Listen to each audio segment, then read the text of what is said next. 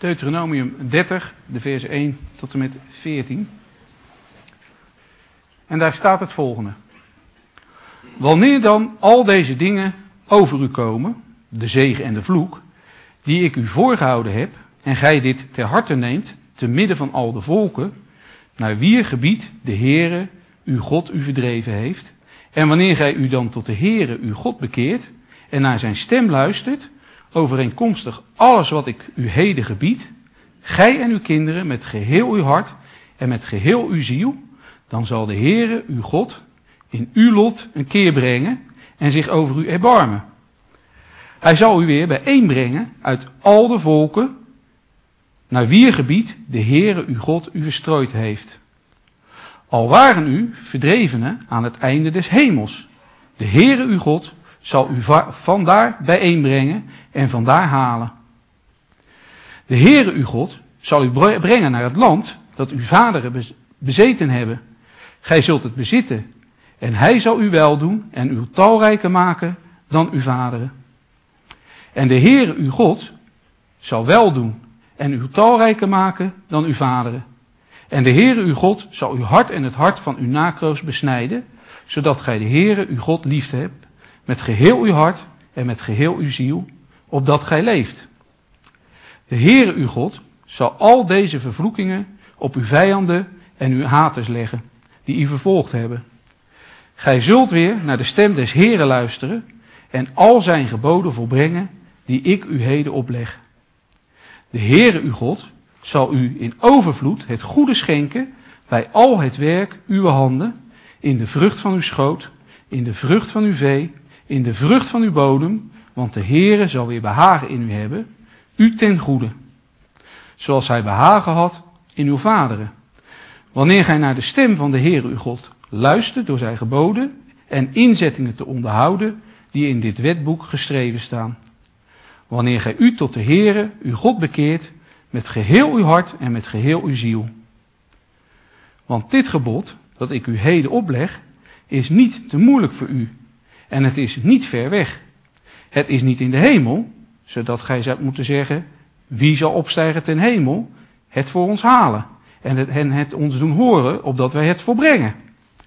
En het is niet aan de overkant der zee, zodat gij zou moeten zeggen, wie zal oversteken naar de overkant van de zee, het voor ons halen en het ons doen horen, opdat wij het volbrengen.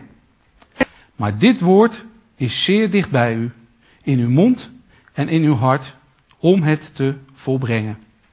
Tot zover. Een hele goede morgen, beste vrienden. Ja, nu ziet u waar we het over gaan hebben deze morgen. Alsjeblieft. En daar zit het woordje beliefd in.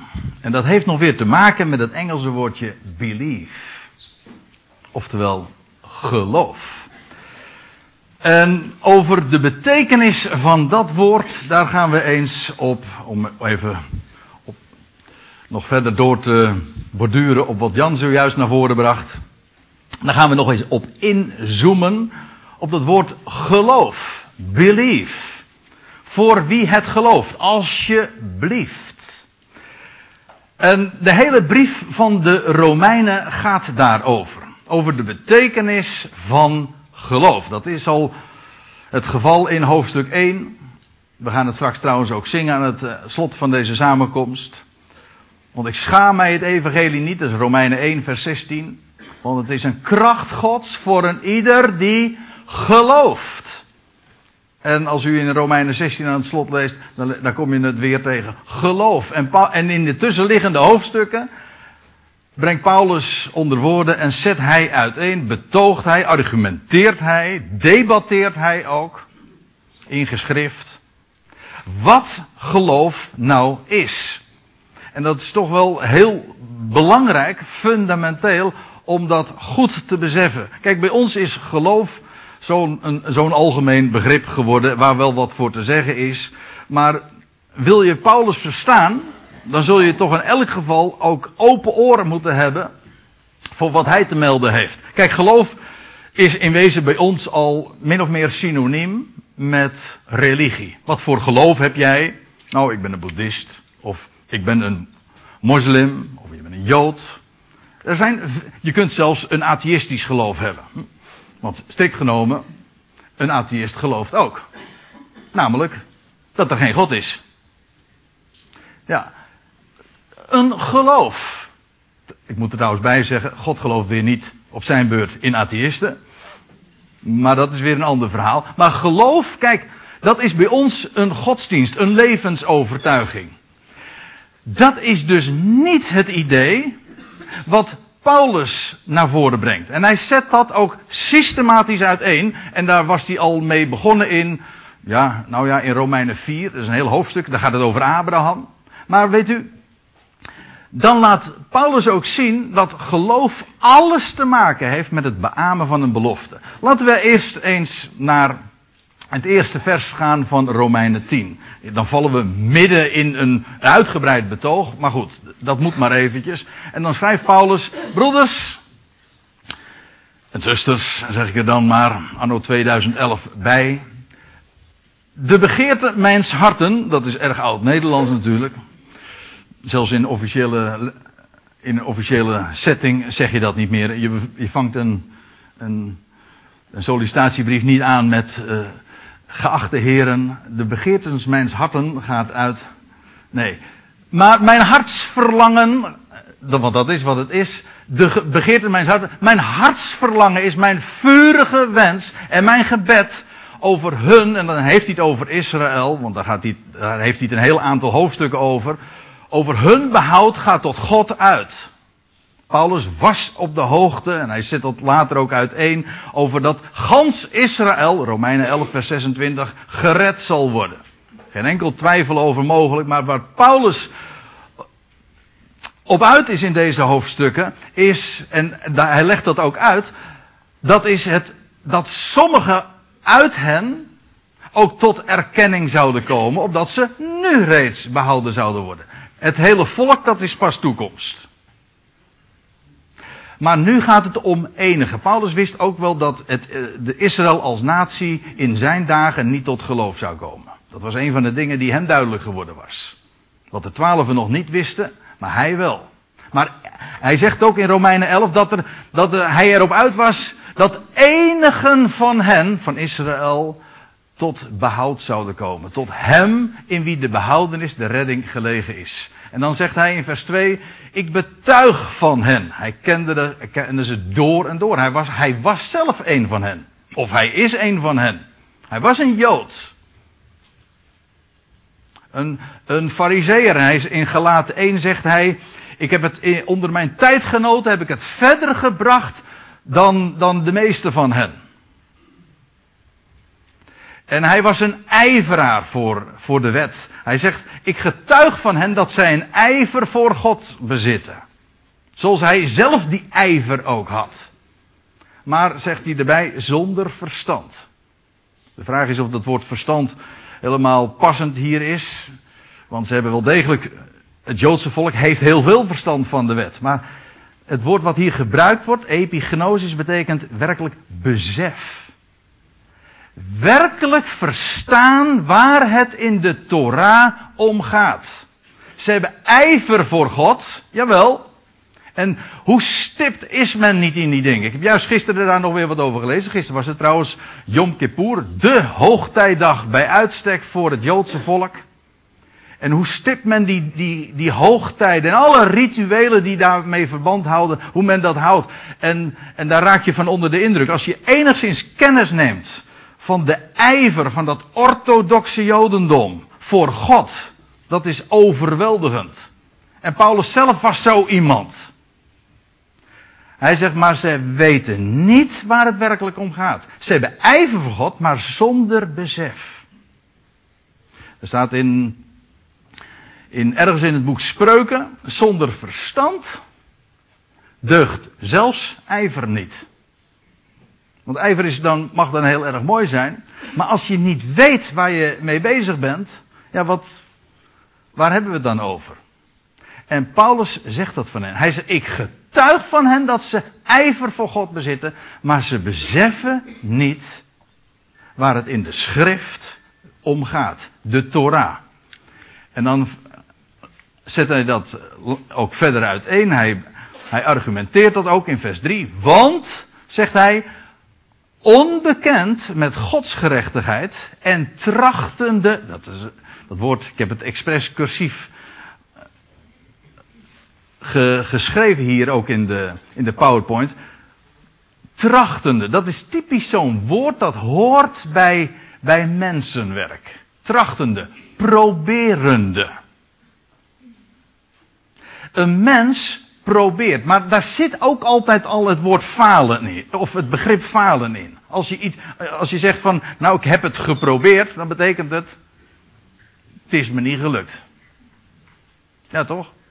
Dat is proberen trachten. Dat is typisch iets voor een mens die, die doelstellingen heeft en die dat probeert te realiseren. En Paulus zegt, zij hebben een ijver. Hij zegt, maar ze zijn onbekend met Gods gerechtigheid en trachtende hun eigen gerechtigheid te doen gelden. Kijk, Gods gerechtigheid staat daar tegenover. God probeert nooit iets. God belooft en hij vervult het. Hij spreekt zijn woord en zijn woord is ook metterdaad daad. Hij zei, er zij licht en er was licht. Gods woord is power, is kracht, realiseert ook de dingen. En daar heeft Gods gerechtigheid ook mee te maken. Gods gerechtigheid, dat is dat God recht doet. Aan wat? Ja, dan moet je, dan moet je ook weer terugbladeren in de Romeinenbrief. Maar dat gaan we nu niet doen. Maar ik kan het u wel aanbevelen om dat eens een keer. om daar eens goed kennis van te nemen. Om die Romeinenbrief eens in zijn geheel in één keer te lezen. Zo'n werk is dat nou ook weer niet hoor. Maar Gods gerechtigheid, dat is zijn belofte die hij vervult. Gods gerechtigheid betekent hij doet recht aan wat hij gesproken heeft. Hij heeft vanaf het beginnen heeft hij al gezegd en gesproken over hem die zou komen en in wie hij zijn plannen met deze hele schepping uiteindelijk zou realiseren. En God heeft dat nader betoogd en uiteengezet in de schriften en, en ook beloofd in, de, in talloze profetieën wie hij zou zijn, wat hij zou doen. Wel, Gods belofte is inmiddels vervuld. Dat wil zeggen, hij die zou komen, is gekomen. En dat is Gods gerechtigheid. En door hem brengt hij, heeft hij leven tot stand gebracht. Leven uit de dood. En dat is die gerechtigheid Gods.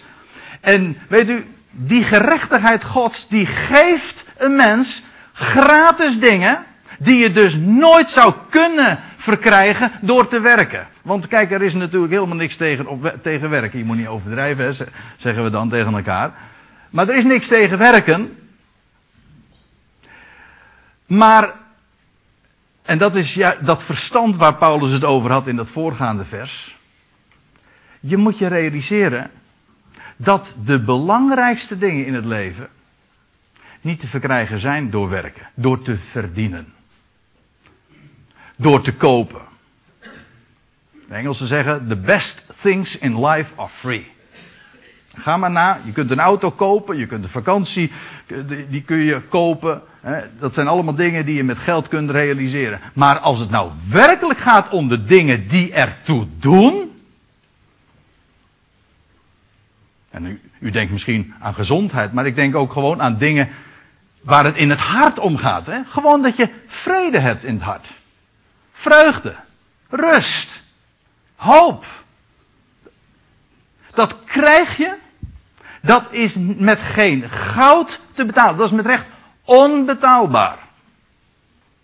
Wel, God geeft deze dingen. En wie meent het door werken te verkrijgen, die blijkt blind te zijn voor Gods geschenk. En dat is wat Paulus ook hier, eh, hier en in het voorgaande ook al had had getoond. Onbekend. Hij spreekt hier specifiek over Israël. Maar ik moet er eigenlijk bij zeggen, met Israël. Met dat hij spreekt over Israël, heeft hij het feitelijk over elk religieus pogen van de mens. mens die, mensen die, of godsdiensten, inclusief de christelijke religie, die probeert door werken iets voor God te verdienen dan blijkt je onbekend met Gods gerechtigheid. En er staat erbij, trachtende hun eigen gerechtigheid te doen gelden, hebben zij zich aan de gerechtigheid Gods niet onderworpen, want het is of het een of het ander. Of hij geeft de dingen gratis, of je verdient het. En als je, als je, het, als je gaat werken, als je denkt door je eigen trachten te proberen en proberen het te verkrijgen, dan blijkt dat je doof bent voor het feit dat hij het gewoon om niet geeft. Als ik tegen mijn zoontje zeg, hij is morgen jarig, je krijgt een, je krijgt een computerspel, dat wat jij graag wil hebben. dan is dat een belofte. En hij gaat vervolgens aan mij vragen, pap, mag ik alsjeblieft dat, dat, dat computerspel hebben? of hij denkt hij denkt het te kunnen verdienen. Hij gaat zijn best doen van, nou, dan misschien geeft papa het me dan wel. Op het moment dat hij zulke vragen zou stellen, zulke dingen zou doen, daarmee zou hij. Dat gebeurt echt niet hoor. Nee, want daar heeft hij wel oren naar. Want dat is het mooiste wat je, wat je natuurlijk kunt horen, dat je het zomaar krijgt. Dat is ook zo. Maar weet je wat nou zo gek is? God geeft het allerbest en de mensen zijn er compleet doof voor en ze, en ze blijven maar werken. Maar daarmee demonstreren ze hun ongeloof. Het is wel ijver, ja, maar het is, ja, het is ook zonder verstand. Want als je, want je kunt natuurlijk wel heel vroom aan God dingen vragen. Heer, wilt u dat geven? En je kunt je best doen zodat je in een goed blaadje bij God komt, dat je, dat je acceptabel voor hem bent. Maar daarmee bewijs je dat je hem gewoon niet op zijn woord gelooft. Want hij geeft het. Alsjeblieft. Voor, voor wie het maar wil geloven, hier.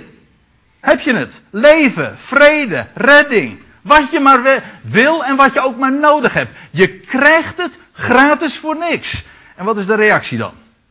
De enige normale, gezonde reactie, ook precies wat het beoogt, dat is dat de mens het zou ontvangen en zegt: Dank u wel. Alsjeblieft, dank u wel. Gratias. Genade.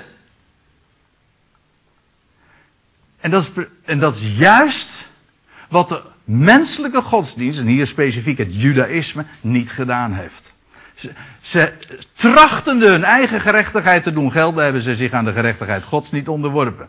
Dan ga ik verder, want staat, schrijft Paulus dan in vers 4, want Christus is het einde, of letterlijk het doeleinde, de telos, staat er, van de wet. Tot gerechtigheid voor een ieder die het gelooft. Zoals ooit Abraham.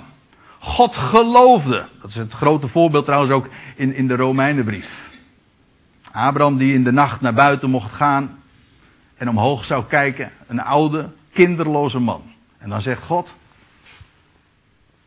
zo, met al die ontelbare sterren, zo zal jouw nageslacht zijn. God belooft dat. Er werd geen enkele voorwaarde gesteld.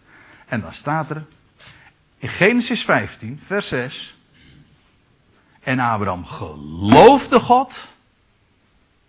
En het werd hem tot gerechtigheid gerekend. Dat wil zeggen, Abraham was in de ogen van God een rechtvaardige. Waarom? Had hij iets gedaan? Nee. Hij had gehoord wat God zei. Het was volstrekt onmogelijk naar menselijke maatstaven. Die man kon helemaal geen kinderen meer voortbrengen. Afgezien van het feit dat zijn vrouw inmiddels ook een hoge leeftijd had bereikt en ook onvruchtbaar was. Maar Abraham dacht, nou als u het zegt, de schepper van hemel en aarde die dat alles gemaakt, als u dat zegt, dan zal het zo zijn. Hij beaamde Gods belofte. En wat kun je met een belofte doen? Daar kun je met één ding mee doen. Voor zover er met een belofte iets te doen is. Kijk, als ik, als ik zeg, kom hier naartoe. En dat is een opdracht. Dan moet u iets doen En dan komt u naar mij. Maar als ik zeg, ik kom naar u toe, ja, wat kunt u dan? Oh?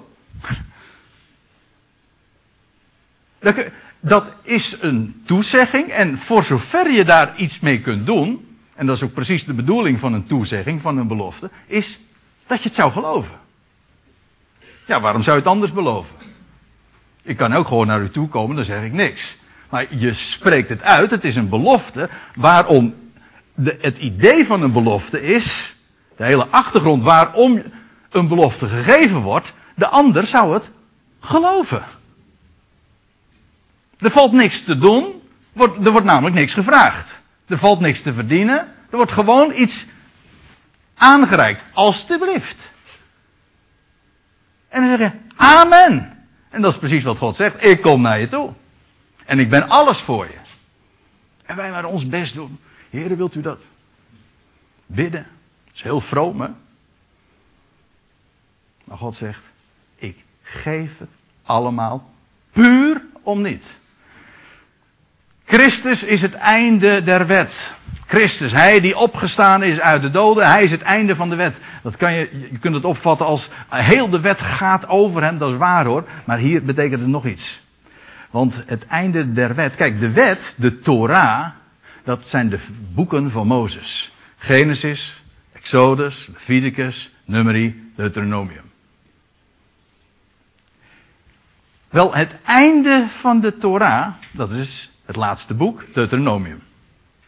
En het einde van de Deuteronomium, dat is, ja, dat zijn de slothoofdstukken. Hoofdstuk 30, 31, 32, 33, 34, dat zijn de slothoofdstukken. Wel, zegt Paulus, Christus is het slot van de Torah. Dat woord einde hier, dat, is, dat, is, dat heeft niet één, maar twee of maar nog meer dubbele bodems. Het is doeleinde, het is het einde, maar gewoon, het betekent ook hier heel concreet, Christus is het onderwerp van het slot van de wet. Dat ga ik ook laten zien, want nou ga ik vervolgens verder.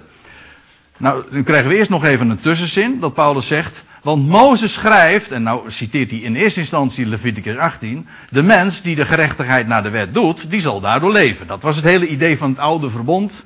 De mens kreeg allerlei opdrachten. En Paulus openbaart trouwens al. Trouwens, dat lezen we ook al in het Oude Testament. Het was helemaal niet de bedoeling dat de mens dat zou kunnen, maar dat hij zich ervan bewust zou worden dat hij het juist niet kon. Dat uiteindelijk, na al die arbeid, na al dat trachten, na al het proberen, dat ze van nee, nee God, het is ons niet wij zijn er niet toe in staat om te vervullen dat wat u, wat u, u spreekt. En dan zegt God, dat was ook helemaal niet de bedoeling. Ik wilde juist de, hebben dat je deze ontdekking proefondervindelijk zou bevestigen. En zou daarmee ook die ontdekking zou doen. En Mozes zegt, de mens die de gerechtigheid naar de wet doet, die zal daardoor leven. Dat wil zeggen, je zou het zelf, doordat jij dingen doet die gevraagd worden, nou, en als je, als je dat daadwerkelijk ook doet, dan zul je daardoor leven. Ja, maar het, ontving Israël het leven door het houden van de wet? Viel er wat te verdienen? Nee, uiteindelijk niet. En dan gaat Paulus in vers 6 verder. Maar, zegt hij, de gerechtigheid uit het geloof spreekt al dus. En nou gaat hij een citaat geven uit Deuteronomium 30. Het einde van de Torah. Het slot. En dan, zegt, en dan begint het citaat, zeg niet in uw hart, wie zal ten hemel opklimmen? Namelijk om Christus te doen afdalen.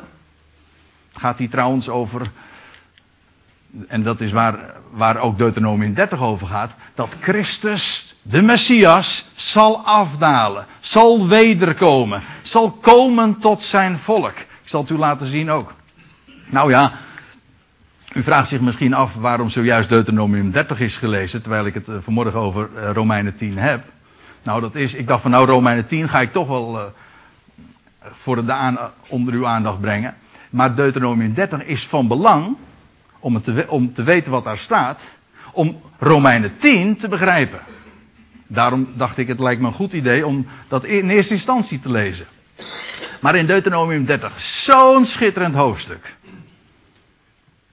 Waar, u moet zich realiseren, Israël stond op het punt om het beloofde land in te gaan. Onder leiding van Jozua. Ze stonden daar, ze waren daar gelegen bij de Jordaan. En dan lees je dat God zijn belofte ook geeft. En dat is waar Deuteronomium 30 over handelt. Dat Israël. Ja, moet, ja, dat is heel vreemd hè. Israël moest nog het, het beloofde land intrekken. Maar dan kondigt God al aan dat het volk ongehoorzaam zou zijn. En uiteindelijk vanwege ongeloof, ongehoorzaamheid, het land ook weer uitgezet zou worden. Moet je nagaan, hè? Voordat ze erin gingen, wordt dit al voorzegd. En het is ook perfect, inderdaad, vervuld. Dit waren profetieën. En dan lees je dat Israël verstrooid zou worden onder alle volkeren. Dat zou pas duizenden jaren later vervuld worden. Maar het is gerealiseerd. Maar dan, zou hij, dan staat er bij, want God laat nooit varen het, het werk van zijn handen. Dan lees je ook dat als Israël te midden van de volkeren zich zou bevinden, daar verstrooid zou zijn, dan zouden ze, er zou er een moment komen dat ze weer terug verzameld zouden worden naar het land. En dan zouden ze luisteren naar de stem van de Heere hun God. De Heere zal, is als zal worden terugverzameld uit de volkeren. Het is allemaal belofte, Deuteronomium 30. Je zou zeggen, het is de wet, hè? dat gaat allemaal over wat mensen moest doen en wat Israël moest doen. Nee, het einde van de wet, dat is belofte. De Heere zal dan ook wederkeren, staat er ook bij. In de vertaling is het helaas weggemoffeld, maar het staat er echt. De Heere zou ook wederkomen. Dat wil zeggen, Christus zou afdalen. Het hart van het volk zou worden besneden. Dat is een vreemde beeldspraak misschien, maar kijk, als je, als je weet wat besnijdenis is, bij besnijdenis wordt de omhulling weggenomen, de voorhuid, de bedekking. Weet je wat de besnijdenis van het hart is? Dan wordt de bedekking van het hart weggenomen. Dan wordt er met recht een ontdekking gedaan. En ook de bedekking over de voorlezing van het oude verbond, 2 Korinthe 3, zal worden weggenomen. En in één zal Israël dan als natie ook verstaan waar heel die Torah en de Tenach over spreekt. En dan zal men met recht de ontdekking doen. Waarom? Omdat de bedekking wordt weggenomen. De Heer zal het hart van het volk besnijden. En dan zullen ze gewaar worden wie hij is, waar heel die schrift vanaf de eerste bladzijde tot de laatste bladzijde van spreekt. Namelijk van hem die is opgestaan uit de doden. Israëls Messias en de redder van deze wereld. Het hart van het volk zal worden besneden. Dat is een, een belofte, een aankondiging. Wat kon Israël daaraan doen? Niks. Weet je wat ze, wat ze konden doen? Het geloven. Dat is precies ook waarom het wordt aangekondigd. En, en weet je, er staat er ook nog bij, en ze zullen de Heere hun God van harte liefhebben. Met heel hun hart, met heel hun ziel, met al hun kracht. Dan niet meer als een, als een gebod, als een last dat hun wordt opgelegd. Je moet de Heere je God liefhebben, want zo werkt liefde niet. God zegt, jullie zullen mij gaan liefhebben. Met heel je hart, met heel je ziel. Waarom? Omdat jullie zullen begrijpen dat ik liefde ben. Dat ik, ik jullie heb lief gehad. En als je dat gaat begrijpen, dan zullen jullie automatisch, als een reflex, mij gaan liefhebben. Omdat ze hem leren kennen. Johannes zegt het later in de brieven. Wij hebben lief, omdat hij ons eerst heeft lief gehad. En als je hem werkelijk lief wil hebben, dan, moet je, kun, je, dan kun je proberen hem lief te krijgen. Dat werkt niet zo. Ga verstaan dat hij jou en deze wereld lief hebt, heeft. Als je dat begrijpt, dan zul je als, als een reflector die liefde ook gaan weerkaatsen, weerstralen. Dat kan niet anders. Niet omdat het moet, het kan niet anders. Kijk, dat, dan wordt Gods woord werkelijkheid in je. Niet omdat je dingen probeert, maar omdat je eenvoudig amen zegt, dank u wel zegt, op zijn alsjeblieft. Zijn woord. Ze zullen de Heer hun God van harte lief hebben. En Israël zal leven, staat er ook bij. Dat wil zeggen, ja, dat staat er, we hebben het zojuist gelezen. En Israël zal leven. Als natie zal het herleven. Maar ook geestelijk. Ze zullen verstaan waar het allemaal om, gaat. Vreugde leren kennen. En dan, en dan in dat verband staat er dit gebod. Dat wil zeggen, dit woord wat ik je geef. Deze instructie waarmee ik je instrueer. Dat is niet moeilijk. En ik, zet, ik heb dit nu even op een rijtje gezet. Waarom? Omdat Paulus dit als bekend veronderstelt wanneer hij Romeinen 10, Deuteronomium 30 aanhaalt. Maar omdat dat niet voor iedereen uh, geldt, uh, dacht ik, lijkt me toch wel wijs om dit even op een rijtje te zetten. En het is mij gebleken dat zelfs uitleggers dit ontgaat. Deuteronomium 30, laat dat duidelijk en helder zijn, is een belofte. En dan staat er dit gebod is niet moeilijk. Nee, natuurlijk niet. Dat, is, dat kan ook niet moeilijk zijn. Want het is namelijk een belofte. Voor zover het moeilijk zou zijn, dan is het voor, eh, voor degene die de belofte uitspreekt. Want daar ligt de last. Belofte maakt schuld. Bij hem ligt de last om het te realiseren. Dit gebod is niet moeilijk, nee. Nou, en nu gaan we weer even terug naar Romeinen 10. Want daar staat er.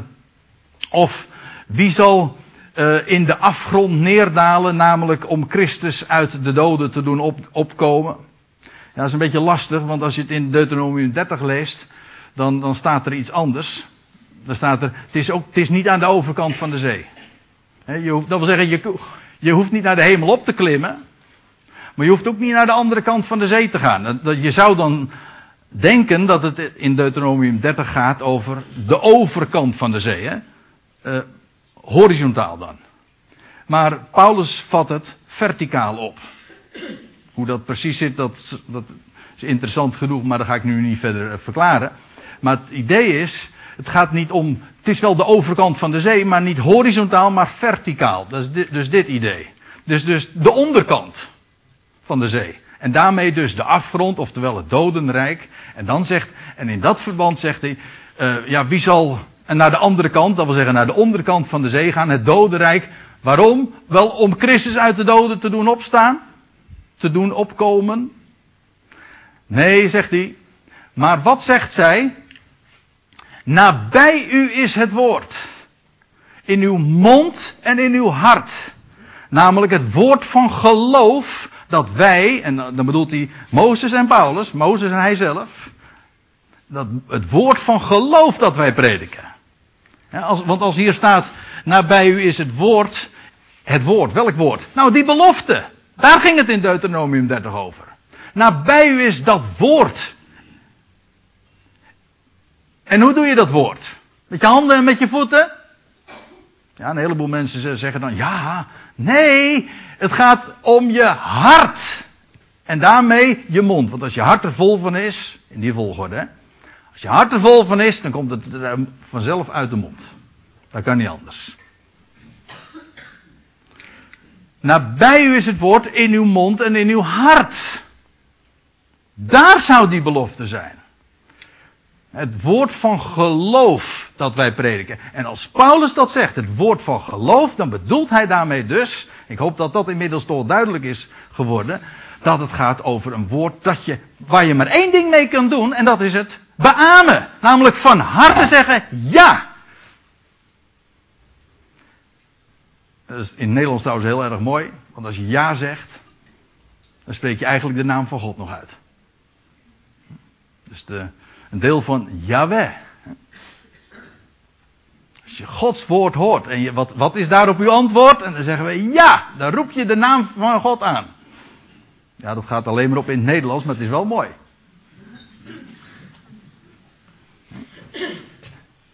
Het woord van geloof. Een het is een belofte die gegeven wordt. En je mag het beamen. Want, vervolgt Paulus dan in vers 9, want ik moet opschieten. Want indien gij met uw mond beleidt dat Jezus Heer is, dat wil zeggen tot Heer gemaakt is, en met uw hart gelooft dat God hem uit de doden heeft opgewekt, zult gij gered worden. Even twee dingen. In de eerste plaats, dus het gaat hier uiteindelijk over één ding. Dit is in wezen in het evangelie in een nooddop. De boodschap van het evangelie is, Jezus Christus, hij die gestorven is, is uit de doden opgestaan. En uit dien hoofde ook gemaakt tot Messias en tot Heer. Dus als je gelooft met je hart dat God hem uit de doden heeft opgewekt en daarmee tot Heer gemaakt heeft en tot Redder gemaakt heeft en heel zijn plan in hem gaat realiseren, dan ken je het evangelie. En daar geloof je dat mee. Dus dan beaam je dat. Geloof, tussen twee haakjes, doe je dus met je hart. Hè? Ja, dus, ja, wat is geloof? Geloven doe je dus niet met je mond. Dat heet lippendienst. Je kan zeggen van, nou ja, ik ga, ik ga naar de samenkomst. Hè? Ik prevel, ik prevel uh, liedjes mee.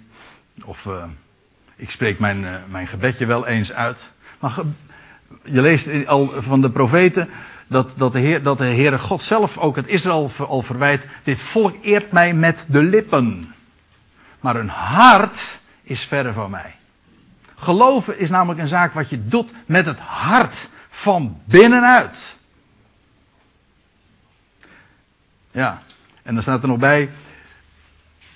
Indien gij gelooft met uw hart gelooft dat God hem uit de doden heeft opgewekt, zult gij gered worden. Ja, dat is trouwens geen drempel hoor.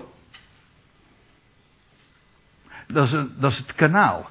Geloof is de wijze waarop de redding jouw deel wordt.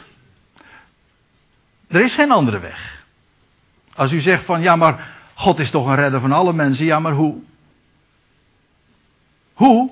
Doordat uiteindelijk alle mensen ook tot die erkenning zullen komen dat God hem uit de doden opgewekt heeft en zullen beleiden met hun tong dat Jezus Heer is, tot eer van God de Vader.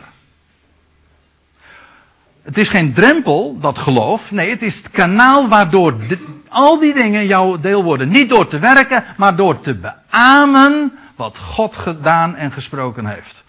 Want staat er met het hart gelooft men tot gerechtigheid. En met de mond beleidt men tot behoudenis. Immers, het, het schriftwoord zegt, al wie op hem zijn geloof bouwt, zal niet beschaamd uitkomen. Paulus in dit gedeelte ritst een heleboel citaten zo uit, de, uit het Oude Testament, wat wij het Oude Testament noemen, aan elkaar. Er is ook zo'n prachtig woord. Wie op hem zijn geloof bouwt, zal nooit beschaamd uitkomen. Wie hem aanroept, dat is, ook, dat is, een universele waarheid. Geldt altijd voor iedereen, ook voor ons nu, vandaag. Als je hem nodig hebt. Als daar nood is. Als je op hem bouwt, zal je nooit beschaamd uitkomen. Welke nood je ook hebt. Een mens stelt teleur. Je, je eigen prestatie stellen per definitie teleur, frustreren. Maar zijn woord nooit, never. En dan staat erbij, er is geen onderscheid. Want er is geen onderscheid, dan zie je het, het is een universele waarheid, tussen Jood en Griek. Immers één en dezelfde is Heer van allen. Dus ja, staat in onze vertaling, NBG-vertaling, Heer over allen. Maar er staat letterlijk, hij, er is één Heer van allen. Weet u dat? Ik zeg het ook gewoon tegen iedereen. Iedereen die meeluistert via welk kanaal dan ook of meekijkt. Jezus Christus is jouw Heer. Niet wil jouw Heer worden als jij voor Hem kiest. Hij is jouw Heer. Hij heeft jou gekocht. Je bent van Hem. Je bent ook voor Zijn rekening. Dat is de boodschap. Dat mag je geloven. Zonder enig voorwaarde vooraf. Net als die belofte ooit aan Abraham gegeven. Zo zal jouw nageslacht zijn. Zo zegt God. Ik ben jouw Heer. Alsjeblieft. En je kan zeggen, nou, nee, dank je. nee, dank je. Ik blief het niet. Prima. Dat verandert niks aan de waarheid hoor. Maar je zult wel de rijkdom dan moeten missen. Dat is namelijk, het zijn twee dingen. Eén en dezelfde is Heer van allen. En dan staat erbij, rijk voor allen die hem aanroepen. Kijk, ik kan natuurlijk wel zeggen, stel je voor, hè, ik, uh, ik, ik heb voor u een, eh, een, bankrekening geopend en ik heb daar, nou laten we eventjes uh, royaal zijn, ik heb daar een miljoen euro op gestort. Dan bent u dus bij deze miljonair. Maar als u die, dat bericht wat ik u dan geef niet gelooft, dan bent u steenrijk, maar u hebt er helemaal niks aan. Dus dan kun je vervolgens nog een heel armoedig leven leiden. Zie daar het leven van velen. Hm? Ze zijn steenrijk. Er is één Heer van allen. Ja, maar als je niet gelooft, als je er geen aanspraak op maakt, als je het niet claimt, heb je er helemaal niks aan.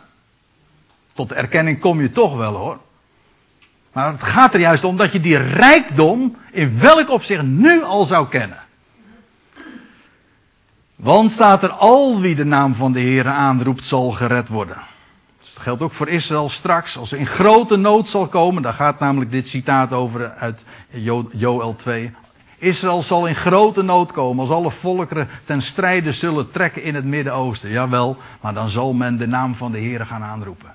En hij zal komen. En hij zal inderdaad hun redder blijken. En dan tenslotte, hoe zullen, ze, hoe zullen zij dan hem aanroepen in wie zij niet geloofd hebben? Hoe geloven in hem van wie zij niet gehoord hebben? Hoe horen zonder prediker? Ja, ik vind het jammer, ik zou graag nog wat verder willen gaan, want dan gaat Paulus vervolgens uitleggen ja, wat dat zo belangrijk is, dat je het ook hoort. Ja, natuurlijk. Want hoe, hoe kan een mens nou geloven dat woord? Dat is maar één manier, en dat is dat het uit uit de mond van een ander komt, zodat het in jouw oor terechtkomt. Toch? Dat is ook precies waar, waar wat zo'n goed bericht, het, e- want dat is wat het evangelie betekent, wat, het, wat er mee zou gebeuren. Het is een belofte gegeven opdat we het zouden geloven. En vervolgens, wat doe je met een goed bericht? Je bericht het. Dat is, dat is de functie. Dat het vervolgens doorgegeven wordt. Want hoe zouden al die mensen nou weten dat hij een Heer van allen is? En een redder is. En dat God zoiets geweldigs op het oog heeft en zal realiseren. Als ze het niet weten. Als ze het niet te horen krijgen. Daarom. Het is een machtig, en daarmee wil ik eindigen. Het is machtig om het goede bericht, dat evangelie van hem te kennen. Maar weet je wat nog veel groter is? Het is nog veel heerlijker omdat dat wat in je hart is, om het te delen met anderen. Zodat anderen vervolgens ook die rijkdom van Hem te kennen, leren, leren verstaan. Zodat ook die rijkdom tot hen komt. Hoe zou men geloven als men het niet te horen krijgt? Alsjeblieft. Dank u wel.